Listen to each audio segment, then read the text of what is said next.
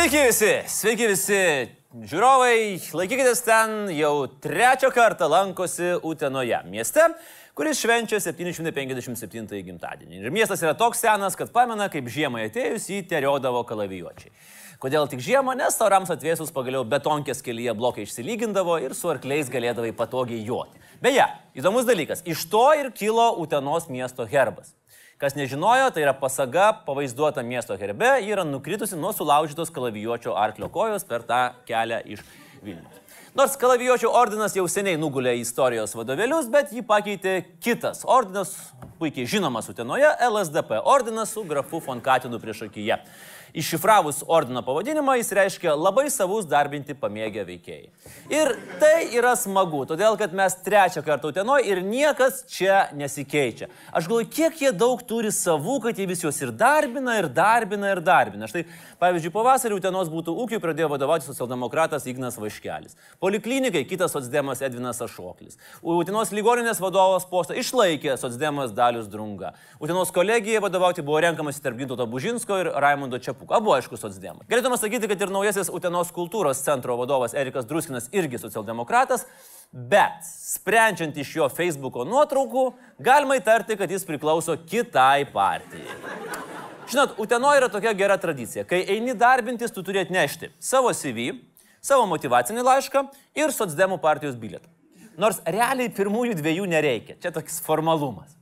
Net ir koncertus Utenos savivaldybė organizuoja ne bet kokius, o mūsų gero bičiulio Edmundo Kučinsko raudonom rožėm sninga. Čia jau žinot, ne tik sninga, bet ir lyja, dyksta, atvažiuoja tos raudonas rožės, nes jau žino, kad kur kur, o Utenoj, nu dar šiek tiek ir Jonavoj, darbo nepritrūks. Taip, kad Utena atrodo turi šiokią tokią lengvą usuotų bebriukų problemą. Ir vienintelis dalykas, kuris gelbėja Uteną, kad per ją neteka jokia didelė upė.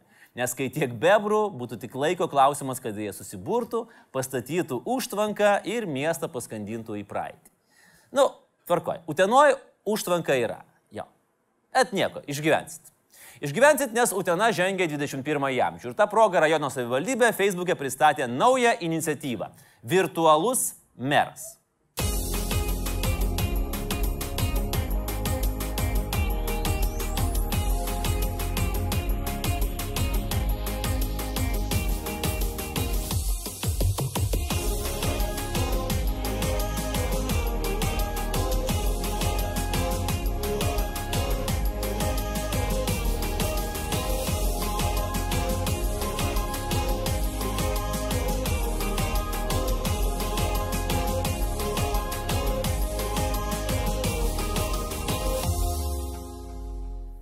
Kad šitas filmukas Utenai kainavo apie 30-40 tūkstančių eurų, nes paprastai savivaldybės jau tokiem dalykam jau pinigo negaili. Na, bet uteniškiai nuo šiol galės per Facebooką, kaip matėt, su savo meru Alvidu Katinu bendrauti tiesiogiai.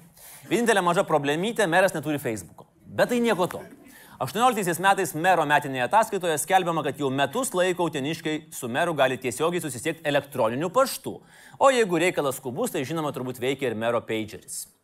Bet Facebookas ir meras būtų įdomus derinys. Juk kai kokią nesąmonę Facebook'e parašai, žinot, gali teisintis, kad čia Katinas per klaviatūrą perbėgo. Tai Utenoj toks pasiteisinimas skambėtų, ai čia meras prie mano klaviatūros buvo prisėdęs. Iš tiesų, Utenoj senas animacinis filmukas Katinas, kuris mėgsta vaikščioti vienas, įgyja tam tikrą naują prasme. Bet užteks apie Utenos gyvąją gamtą, pereikime prie savaitės įvykių mūsų nuostabioje valstybėje. Saulis Kvernelis pirmadienio rytą užsipylė tirpios kavos 3-1 iš tokio pakučio ir nors netilo kalbos tik apie švietimo ir mokslo ministrės Petrauskinės karjeros pabaigą, Skvernelis vienu moštu dar nukirto ir aplinkos bei kultūros ministrus. Viskas čia suprantama. Kalta aplinka, o streikuojantiems mokytojams akivaizdžiai trūksta kultūros. Dar viena priežastis - galbūt Praimas bakstelėjo iš švietimo ministrė bendroje nuotraukoje, o kadangi pirštas toras, tai netyčia užkabino dar du ministrus. Nu ir po to jau buvo nefasonas trauktis. Kultūros netrūksta tik Praimo komandai. Premjero pritarėjas Skirmantas Malinauskas streikuojančius mokytojus palygino su Putino smogikais Kryme. Ir dar pridėjo, kad čia yra be humoro. Nes mes tikrai galėjom pagalvoti, kad čia yra juokelis. Gal jau geriau būtų buvęs su humoru. Sauja pavargusių mokytojų palyginti su okupantų žudikais yra vos sprendimas. Kartais atrodo, kad pačiam pritarėjui neprošal būtų pasitarti su gydytoju arba vaistininku. Politinis vaiduoklis iš mūsų padangėje Rolandas Paksas Maskvoje susitiko su Dūmos vadovais. На гостевом балконе присутствует э, Роландас Паксас, депутат Европейского парламента от Литовской Республики, политическая партия Европа Свободы и прямой демократии. Давайте его поприветствуем вместе с нашим коллегой Толстым Петром Олеговичем. Šedžių prezidentas prieš kameras pasisakė už santykių su Rusija gerinimą bei aiškino, jog šitą psichozę reikia stabdyti. Ir aš jau nebesuprantu, Paksas nori gražinti litą ar glavlitą. Ir kita vertus, kai Paksas sako, šią psichozę reikia stabdyti, gali būti, kad čia yra jo pagalbos šauksmas. Žmogus suvokia, kad turi problemą ir tai yra pirmas žingsnis į išgyjimą. Bet vad kur tas gydytojas arba vaistininkas, kai jo labiausiai reikia? Saulis Kvernelis pareiškė, kad Stasio Jokeliūno komitetas artėja prie krizės kaltininkų. Kasasi arba artėja prie tų atsakingų asmenų, sakė jis. Na va, idėja Lietuvai. Įtikinkim Jekeliūną, kad dėl krizės kaltas Vytautas Didysis. Ir jeigu Jekeliūnas taip gerai kasasi, galbūt jis pagaliau suras tai, ko mes visi ieškojom - Vytauto kapą. Po visų Jekeliūno išsišaukimų ir pareiškimų Dalia Grybauskaitė pavadino jį neadekvačiu.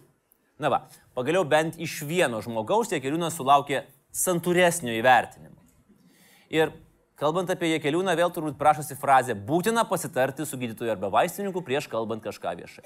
Bet gydytojas užsiemęs. Aurelijus Veryga pareiškė, kad nelegalaus alkoholio suvartojama mažiau, nes žmonės emigruoja ir nebelieka nei kam virti, nei kam gerti. Sveikinam vyriausybę su sėkminga kova prieš alkoholizmą. Nebeliks žmonių, nebeliks pijokų. Ta proga reikėjo pakelti čerkelę ir generalinės prokuratūros prokurorui Dainiui Baraniūnui, kuris šią savaitę girtas taranavo šviesoforą su 2,79 promilės. Taip tam šviesoforui reikia. Jis jau čia tikrai nenurodinės prokurorui, kada važiuoti, kada sustoti. Prokurorai turi būti nepriklausomi. Po šio incidento generalinė prokuratūra labai rimtai pareiškė svarstant įsigyti Tesla automobilius, nes Kalifornijoje praeitą savaitę policija 12 km vyjusi girtą vairuotoją, kuris lūčias miegojo, automobilis tvarkingai važiavo pats, kol pagaliau sustojo. Ir niekas nenukentėjo. Joks šviesoforas. O, prašau, svajonių mašina. Ne tik prokurorams, bet ir kai kuriems politikams. Džezu anikščiuose su draugais atidarė restoraną ir pavadino jį Basi Basi. Nesupratau iki galo. Ar čia kainos tokios, kad klientai išeis basi basi? Ar džiazu taip pesimistiškai žiūri į restorano perspektyvas ir galvoja, kad savininkai po visko liks basi basi? Na, toks jau labiau čia mano paties atvejis su restoranais. Didžioje dalyje Lietuvos miestų jau yra įžiūptos kalėdų eglės ir kaip visada, kaip visada, neapsieita be matavimusi kur gražesnė. Kaunas gavo spriktų per nosį už tai, kad egliai panaudojo 2,5 milijono plastikinių šiaudelių. Gamta, ekologija, banginiai čia yra dzin. Kita problema yra didesnė. Mūsų tai 3 milijonai, o šiaudelių tik 2,5. Kur dingo pusė milijono šiaudelių? Bet visiškų absoliučių kalėdų sezono atidarimo laimėtojų mes kelbėme širvintas. Ne dėl gražiausios eglutės, bet dėl merės Žyvilės duktės Danielos valdomo rajono laikraščio Širvintų kraštas puslapyje vykdomos apklausos. Į klausimą, kaip vertinate šių metę eglę, galima sakyti trimis būdais. Nuostabi, nebloga ir aš esu opozicionierius. Čia yra tikra apklausa, aš neįsigalvoju. Ir Širvintose dabar turbūt rodo filmą, kaip opozicija pavogė kalėdas. Tai žinokit, net, net Utenos atsdėmams dar yra iš ko pasimokyti, kaip reikia tvarkytis. Žodžiu, mes tikrai džiaugiamės ir laukiame naujų širvintų apklausų. Pavyzdžiui, už ką balsuosite kitose mero rinkimuose. Ir variantai. Už Žyvilę Pinskuvinę, už Pinskuvinę Žyvilę arba aš pusryčiams valgau vaikus. Galit pasirinkti demokratiją. Trys, trys variantai. Merų naujienos. Na, ponai ir ponios, metų sensacija. Artūras Zuokas paskelbė, kad kandidatuos į Vilniaus merus. Aš net nežinau, žinokit, kas buvo labiau netikėta. Ar šitas, ar nausėdos sprendimas po to, kai jau išėjo iš Sebanko ir visiems buvo aišku. Na, o apie sprendimą Artūras šaltą gruodžio dieną paskelbė stovėdamas vienu kostiumu, be jokios triukytės, viešojo transporto stotelėje. Artūrai, reiktų apsirengti. Prisimink, kai baigėsi politikams liberalams, kurie žiemą vaikšto neapsirengę.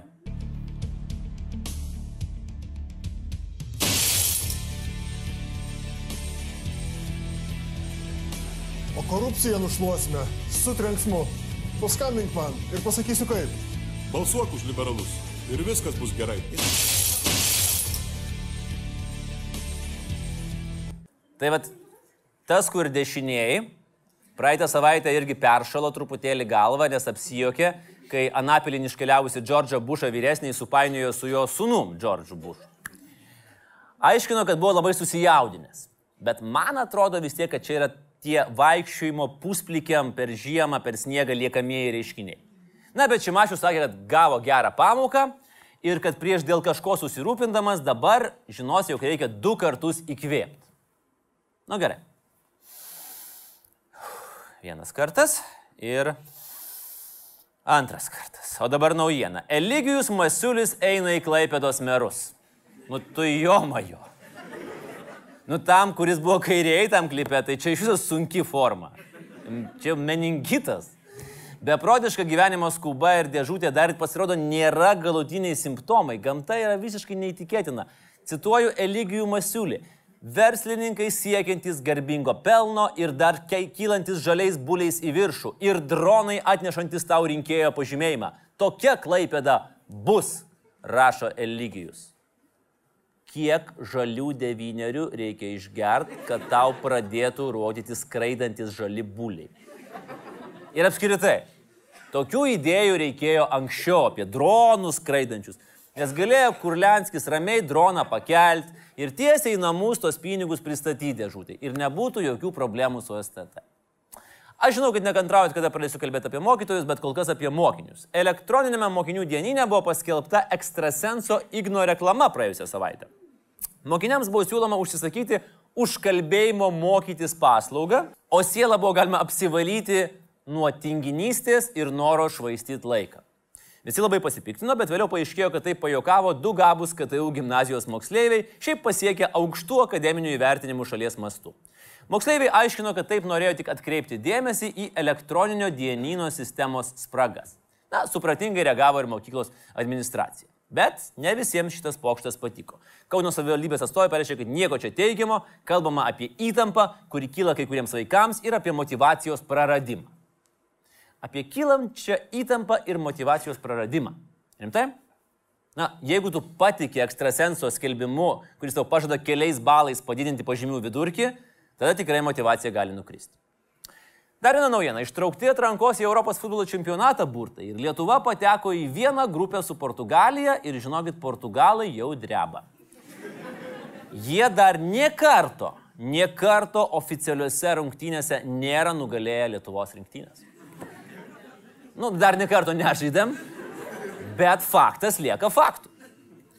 Tęsime futbolo temą. Kedainiuose vyko LFF uždarimo šventė. Na, kokia čia šventė, gal labiau užbaigtuvės. Nes va, jeigu tikrai LFF uždarytų, va, tada būtų šventė. Bet šį kartą ne apie tai. Vakarėlį, į kurį nebuvo įleisti žurnalistai, įsisiubavus, susimušė Kedainių nevėžio ir Garždų bangos vadovai. Laimėjo pastarasis, todėl skanduotė, kas laimės, kas laimės Garždų bangą, dar kartą įrodė savo teisingumą.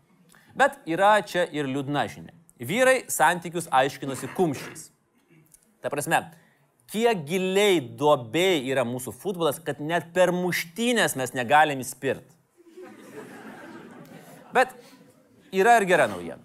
Mes pasibaigus sezonui vis dėlto sužinojom, kad mušt mokam. Ne į vartus, na bet nuo kažkogi reikia pradėti. O dabar pagrindinė mūsų savaitės tema - profesiniai protestai. Na pasakykit man, kodėl, kai mes protestuojam, tik retas susimasto, iš kur kilęs šitas žodis. Gaila kandidato į prezidentus Juozaičio, bet ne iš lietuvių kalbos. Gali atrodyti, kad e, žodis protestas atsirado sutrumpinus e, du žodžius - protingas ir estas bet dėja taip nėra. Šią savaitę nors už langos spaudžia šaltukas, bet Lietuva gyveno pirties sąlygomis. Mokytojai streikuoja, profsąjungos nepatenkintos, ministrai laksto iš postų. Čia yra šiek tiek mokytojų, bet jų kur kas daugiau yra laukia už lango. Čia mokytojai įėjo beveik visi pro langą, arba tie, kas dar buvo likę čia mitingo metu, jie čia dar ir neišėjo. Tai už lango iš tikrųjų situacija yra tokia, kad Yra daugybė žmonių dainuojančių.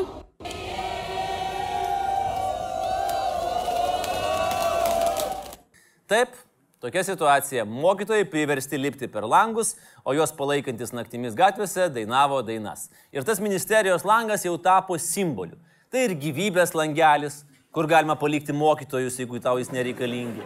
Ir langas į ateitį, kurioje matosi mokytojas prestižinė profesija 2025. Bet kad suprastume, kaip mes prisižaidėm iki tokios situacijos, vis dėlto išsiaiškinim, kas yra protestai. Žodis kilęs iš dviejų latiniškų žodžių. Pro, kas reiškia viešai, ir testari, kas reiškia pareikšti. Todėl, kai kitą kartą protestuosit dėl kalafiorų kainų, žinokit, kad jūs viešai ir iškilmingai pareiškit, kad nuo šiol valgysit, pavyzdžiui, tik brokolius. Dėl ko tik žmonės neprotestuoja? Oi, variantų yra tūkstančiai. Pavyzdžiui, Kornelio universitete studentai susirinko kolektyviai paverkti. Renginys taip ir vadinasi - Cry in dėl Trumpo pergalės. Lietuvoje beje irgi buvo kažkas panašaus, kai Seimo rinkimus laimėjo valstiečiai žalieji, Gabrielius Landsbergis verkė ir trypė kojytėmis.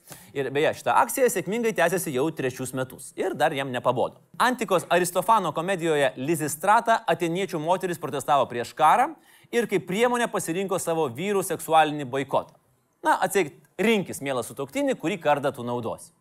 O beje, žodis pacifizmas senovės graikų kalboje reiškia sukryžiuotos kojos. Beje, po pustrečio tūkstančio metų šį šantažą Seime praėjusioje kadencijoje bandė pakartoti ir socdemė Birutė Vėsaitė. Balsuojant dėl rezoliucijos apie karą Irake, ji paragino Seimo moteris literaliai neduoti Seimo vyrams. Tada ir kilo kalambūras apie Vėsaitę. O ta Birutė ir duoda, nu bet ir neduoda to pačiu. Žodžiu, protestų jų priežasčių ir formų yra daugiau negu greiti ir įsiūtę filmų serijoje. Bet dabar mus labiausiai domina tai, kas šiandien vyksta Lietuvoje - mokytojų streikas. Ir pakalbėkim būtent apie streikus. Šito dalyko pavadinimas irgi dėja nėra kilęs iš lietuvių kalbos, nors Seime yra valstietis Zenonas streikus, kuris yra labai artimas šitam dalykui. Pavadinimas iš tikrųjų atsirado nuo Anglijos jūreivių, kurie taip susirėjo su laivų savininkais, kad tiesiog nupjovė viršutinės savo laivų stiebų būrės. Tačiau rimtai streikai įsisiautėjo po pramoninės revoliucijos. Čartistų judėjimo įkarštyje XIX amžiaus pirmoje pusėje Anglijoje vienu metu streikavo pusė visų darbininkų. Pusė milijonų. 20-ame amžiuje, didžiosios depresijos pabaigoje, Amerikoje buvo 9 tūkstančiai streikų. Įsivaizduokit, žmonės eidavo į streiką kaip į darbą. Taigi, streikas toks protestas, kaip darbuotojai kyla prieš darbdavio mokamus arba nemokamus atlyginimus arba darbo tvarką ir nedirba. Ir, pavyzdžiui, nedirbt galima įvairiai. Japoniško streiko metu, sakykime, visi ateina į batų fabriką, bet siūva tik kairės kojos batus. Darbdavys siunta, nes nu ką tu veiksi su tūkstančių kairės kojos batų. Nebent tavo pagrindinė rinka yra vienakojai karibų piratai. Nu tai dar dar. Tada darbdavys nusileidžia, pradeda mokėti pinigus. O tada jau japonai siūlo tiek, kiek reikia dešinės kojos batų. Kol susilygina ir visi laimingi. Išskyrus piratus, kuriems ir toliau reikia mokėti už du batus dvigubą kainą.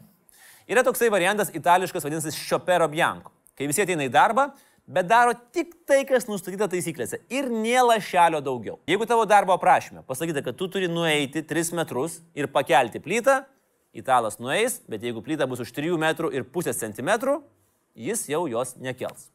Teko girdėti, kad kai kuriuose Lietuvos savivaldybėse tarnautojai irgi naudoja šį metodą, bet ne dėl to, kad protestuoja, o dėl to, kad taip išmoko dirbti ir kitaip nemoka.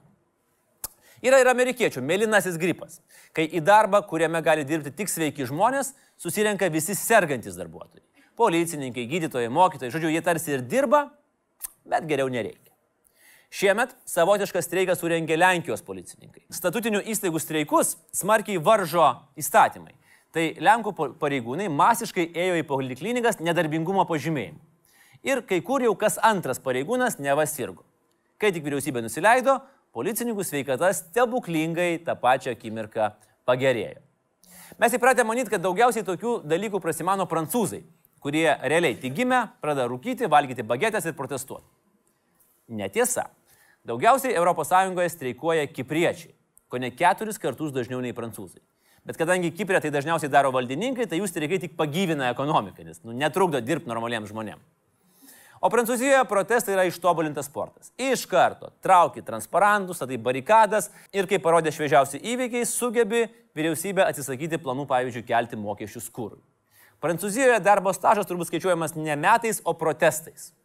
Sudalyvavai dešimties streikų, buvai areštuotas bent tris kartus, prašau, tau priklauso priedas prie senatvės pensijos. Ne visada streikai suveikia. Pavyzdžiui, studentams nepavyko, kai jie streikavo prieš egzaminų tvarkos keitimą na, neišlaikė streiko egzamino. Pritruko vienos nakties streikui pasiruošti. Gal ne visai streikas, bet buvo gan kūrybiškas. University of Pennsylvania jaunimas nutarė protestuoti prieš tualetus, kurie buvo suskirstyti į vyriškus ir moteriškus.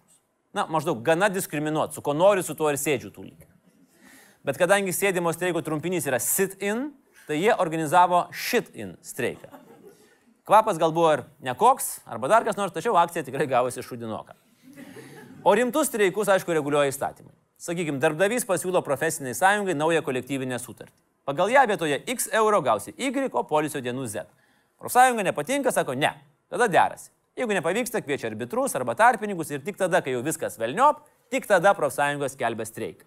Tai mes dabar esam stadijoje velniop. Ir turime jau keletą savaičių trunkantį mokytojų streiką.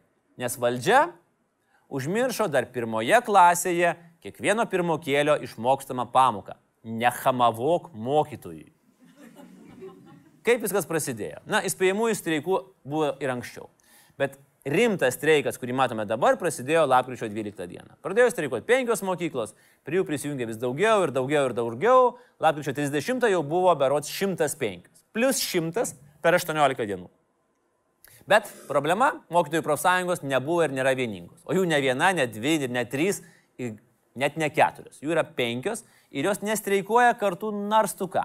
Ir tada vyriausybė gali manipuliuoti. Na, mes deramės tik su geriečiais, o blogiečiai patys susipras. Valdžia mėgina sukiršinti ir supriešinti žmonės. Jis traukia keistus faktus. Pavyzdžiui, iš lubų ištraukia 300 milijonų eurų, kurių reikia mokytojams. Juk čia yra viskas apie pinigus. Apie pinigus, pinigus ir pinigus. Kartoja pagrindinis mūsų valstybės ponas. Tai jūs dabar sakote, e, mielos profsąjungos, kurios ten e, nakvojat švietimo ministerijoje, kelkitės ir eikit namo, nes pinigų vis tiek nerasim jums, ta prasme. Ir tai grįžta. Aš, aš tai galiu užtikrintai pasakyti. Tai yra tas, kas jums sako, va čia galima per jūsų radiją pasakyti, tas, kas jums sako, kad galima padidinti rasti 300 milijonų yra apgavikai. Tiesiog jie elementariai daro taip, kad jūs negautumėt nei atlyginimų, nei kompensacijų už tą laiką, kurį bus protestuojama ir galų galę vis tiek nebus tų sprendimų. Neįmanoma. Tai neįmanoma. Ir jeigu jums pasigirdo, kad čia į radiją paskambino tik koks nors lengvai susipykęs su savimi pilietis, kuris apšaukinėja visus melagiais, kaip būna žinių radijui, ne, klystat. Čia buvo tautos vadas Ramūnas Karbauskis. Bet ar tikrai yra reikalavima 300 milijonų? Na, profsąjungos sako, kad ne. Ir tiesą sakant, jos pačios nelabai žino, kiek jos prašo. Nes dar šią savaitę prašė ekonomistų pagalbos susiprasti, kiek reikia prašyti. Bet reikia ne tik pinigų, reikia sistemą keisti. Streikuojantis nepatenkinti ir naujai įvesta etatinė e, darbo apmokėjimo tvarka. Ir ta didžioji nepasisekusi reforma buvo pavadinta medus - mokytojų etatinio darbo užmokesčio sistema.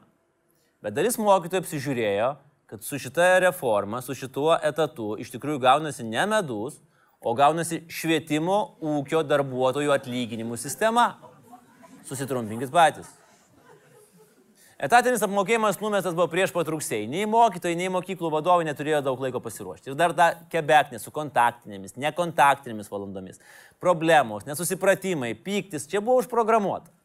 Tačiau į mokytojų nerimą iš pradžių buvo atsakoma, kad viskas veikia puikiai ir nešokinėkit. Jau paskui ministerija pripažino, kad ne viskas ir ne puikiai. Tada atsirado mobilioji grupė, kuri važinėjo į mokyklas aiškinti, kas yra etatinis apmokėjimas, kaip jis veikia ir kodėl tai yra geriausia, kas galėjo atsitikti mokytojams. Na, išskyrus tą mokytoją, kuri yra laimėjus teleloto podą, nes aukso podas vis dar yra geriau už mokytojo etatą. Valdantieji taip įtikėjo reformos tobulumu, kad arogantiškai mokytojai paprašė paėti šiek tiek toliau.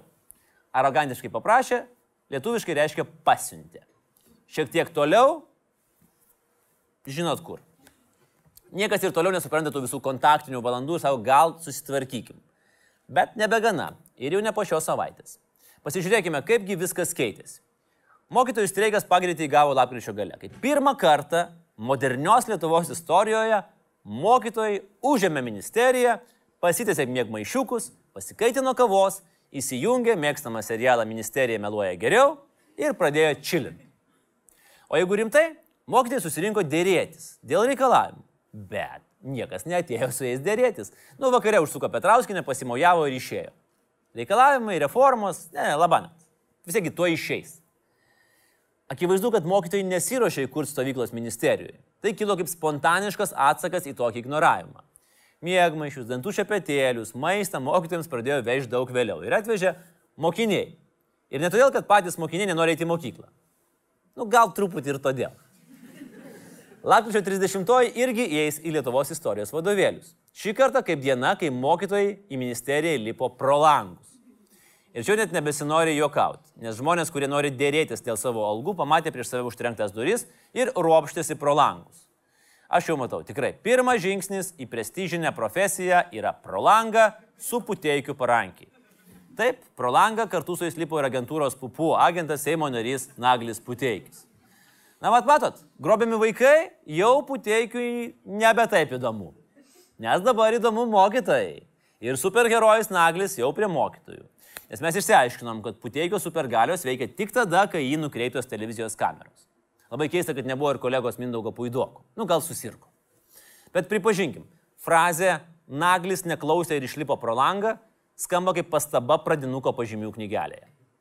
Ir tačiau tai tik cirko pradžia. Penktadienį vėl niekas nieko nesusidėrėjo.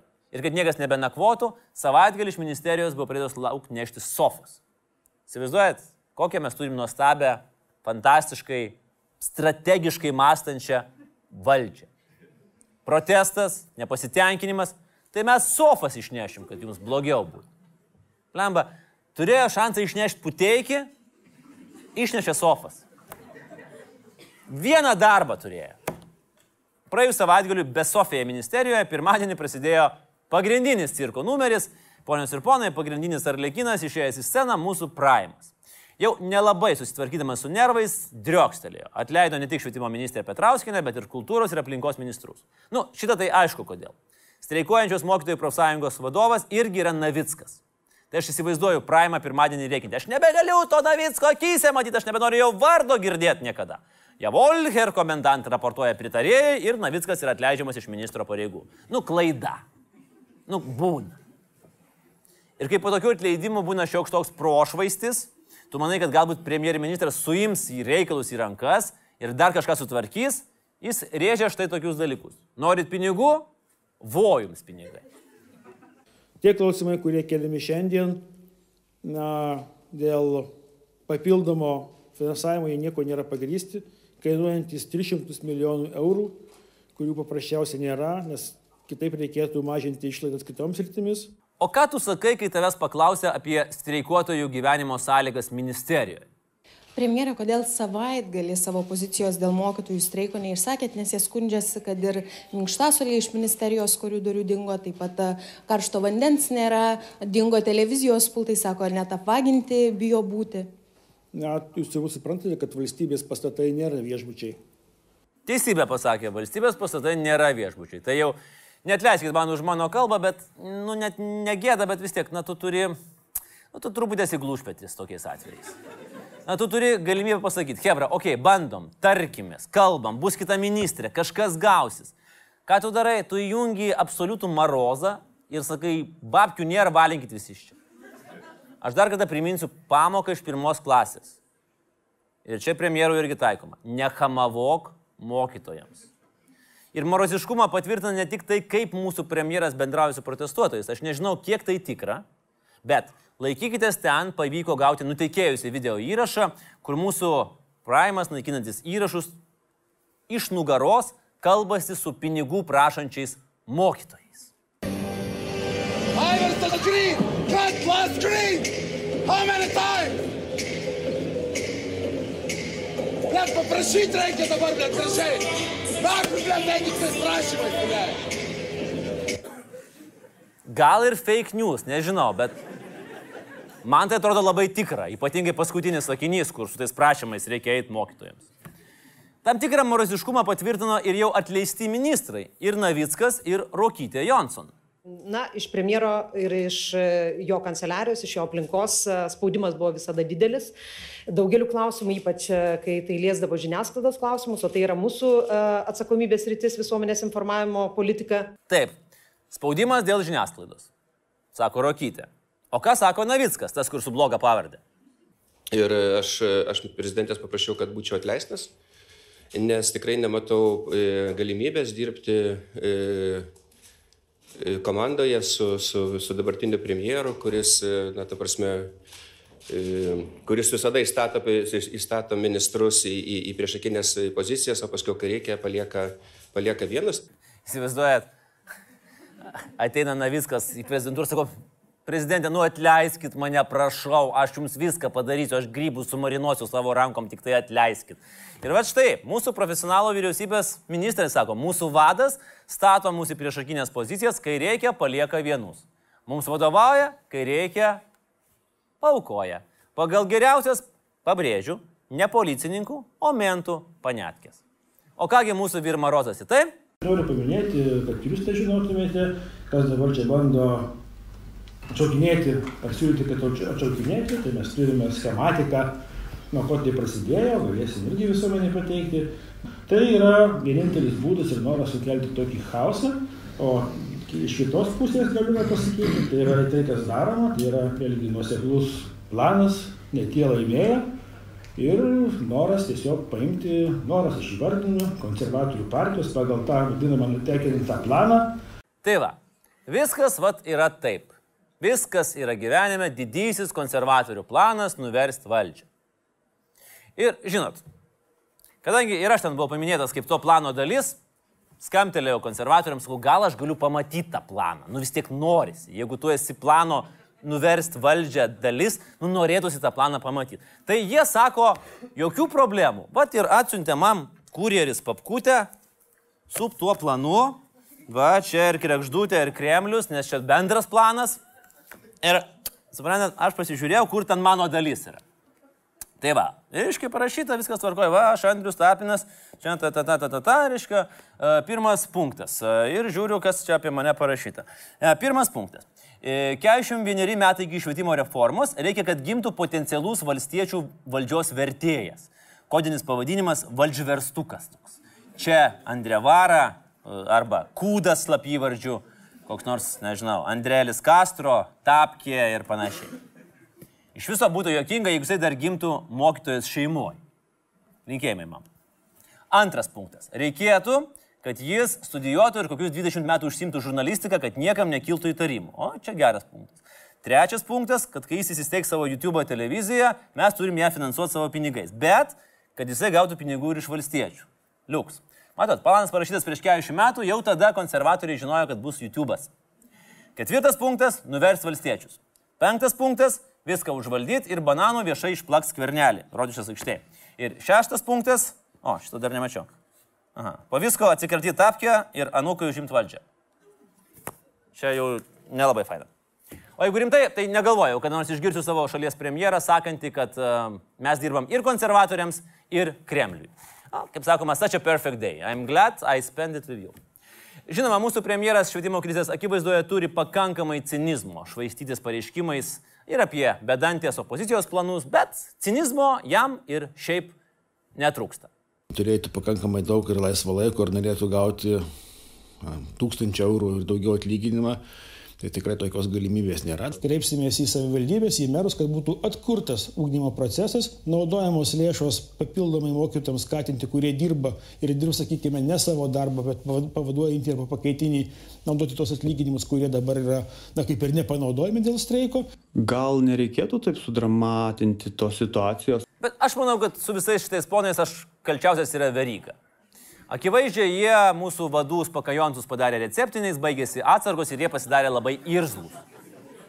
Arba visus pakajontus susirinko poziciją, nes tie tai jau tokie ramus, kad atrodo kaip eunuchų armija iš Game of Thrones serialų. Ir rimtai, rimtos opozicijos Lietuvoje nėra. Yra policinės valstybės morozas prieš šalies piliečius. O aplinkui kažkas meken. Žinot, mūsų charakteris šiaurietiškas ir net kai ant mūsų loja, mes nelinkę lotą atgal. Bet ir net pas mus yra riba, po kurios mes net laikom. Ta riba vadinasi užkniso arba kitaip mazuronio linija. Protestuose gimsta pilietinė visuomenė. Aišku, būtų geriau, jeigu pilietinė visuomenė gimtų dar mokykloje, o ne po vyriausybės ir ministerijos langais, nes čia tikrai gali reikėti gyvybės langelių. Tikėkime, kad greitai taip ir bus. Bet iki prestižo dar trūksta. Velniai ratų, mokytėms trūksta iki padorių darbo sąlygų. Ir ne tik mokytojams. Tai vieni žygiuoja, tai kiti žygiuoja, bet visi po vieną. Na, panašiai kaip autobuse. Įlipi ir matai, kad kas antra kėdė užimta. O tu lieki stovėti, nes nepatogu šalia atsisėsti. Jeigu streikuoja medikai, streikuoja medikai. Jeigu policija, tai policija. Jeigu ugniagesiai, tai ugniagesiai. O mums ko yra pasimokyti iš vakarų socialistų? Vienybės. Ir turbūt gana aiškint, kad jeigu streikuojantiems mokytėms bus pakelti atlyginimai, kenties bibliotekininkai. Jeigu policija neseniai pristatė naujas uniformas, gal nereikia aiškinti, kad dabar dėl to kažko negaus ugnegesiai. Nu, galų galia, jeigu policijai pritrūks uniformų, galės iš miškininkų pasiskolinti. Abiejų žalios. O miškininkai iš kariuomenės. Irgi kamufliažas, miško spalvos, tai nu, galima kažkaip suktis. Ir mes turim kelius pasiūlymus. Jeigu skundžiatės mažom pieno kainom, tai žiūrėkit, padarykit iš pieno sviestą, padovanokit medikams. Tada vietoj lubrikanto kolonoskopijai galės naudoti. Medikai jūs nepatenkinti algom, tai ir naudokit tą sviestą tada savo reikmėm. Ugnigesiai nori naujų uniformų, paprašykit, kad mokytojai paviešintų premjero pažymių knygelę. Viskas gali būti susiję. Ir mes galim patarinėti kiek tik tai norim, bet vis tiek lieka klausimas, kas išprovokavo mokytojų streiką? Maži atlyginimai? Idėja Lietuvai? Kai mokytojai buvo paskirpti prestižinės profesijos atstovai, bet trenkėsi šitą idėją veidų į purvą. Ir suprato, kad tokios reformos, kaip pastumdoma iš vieno kampo į kitą, yra tiesiog elementarus pasityčiojimas. Bet kažkada turėjo ateiti metas, kai skęstančiųjų reikalas taps nebe pačių skęstančiųjų reikalų. Kai mokytojų reikalas taps mūsų visų reikalų. Ir tiek svarbiau, kad galbūt mes galime pakelti savo minkštas vietas nuo sofų, ne, ne tų, kurias išnešė iš ministerijos, o nuo savo sofų. Ar tas metas atėjo? Jeigu jūs mūsų žiūrite iki sekmadienio 14 val. dar nežinau. Žinau tik, kad 50 profesinių sąjungų susitiko vienoje salėje, dvi valandas kalbėjosi ir galiausiai pasakė, einam. Šiandien mes einam dėl mokytojų. Rytoj gal mokytojai eis dėl mūsų. Ir jeigu jūs mūsų žiūrite iki sekmadienio 14 val. aš ir jums sakau, mėlyjeji Laisvės televizijos žiūrovai ir remėjai. Einam.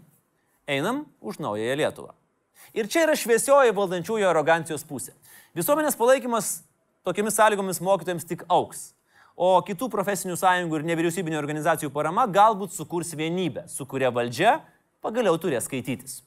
Ir tai yra būtent tai, ko iki šiandien tikrai trūko jaunai mūsų demokratijai. Ačiū.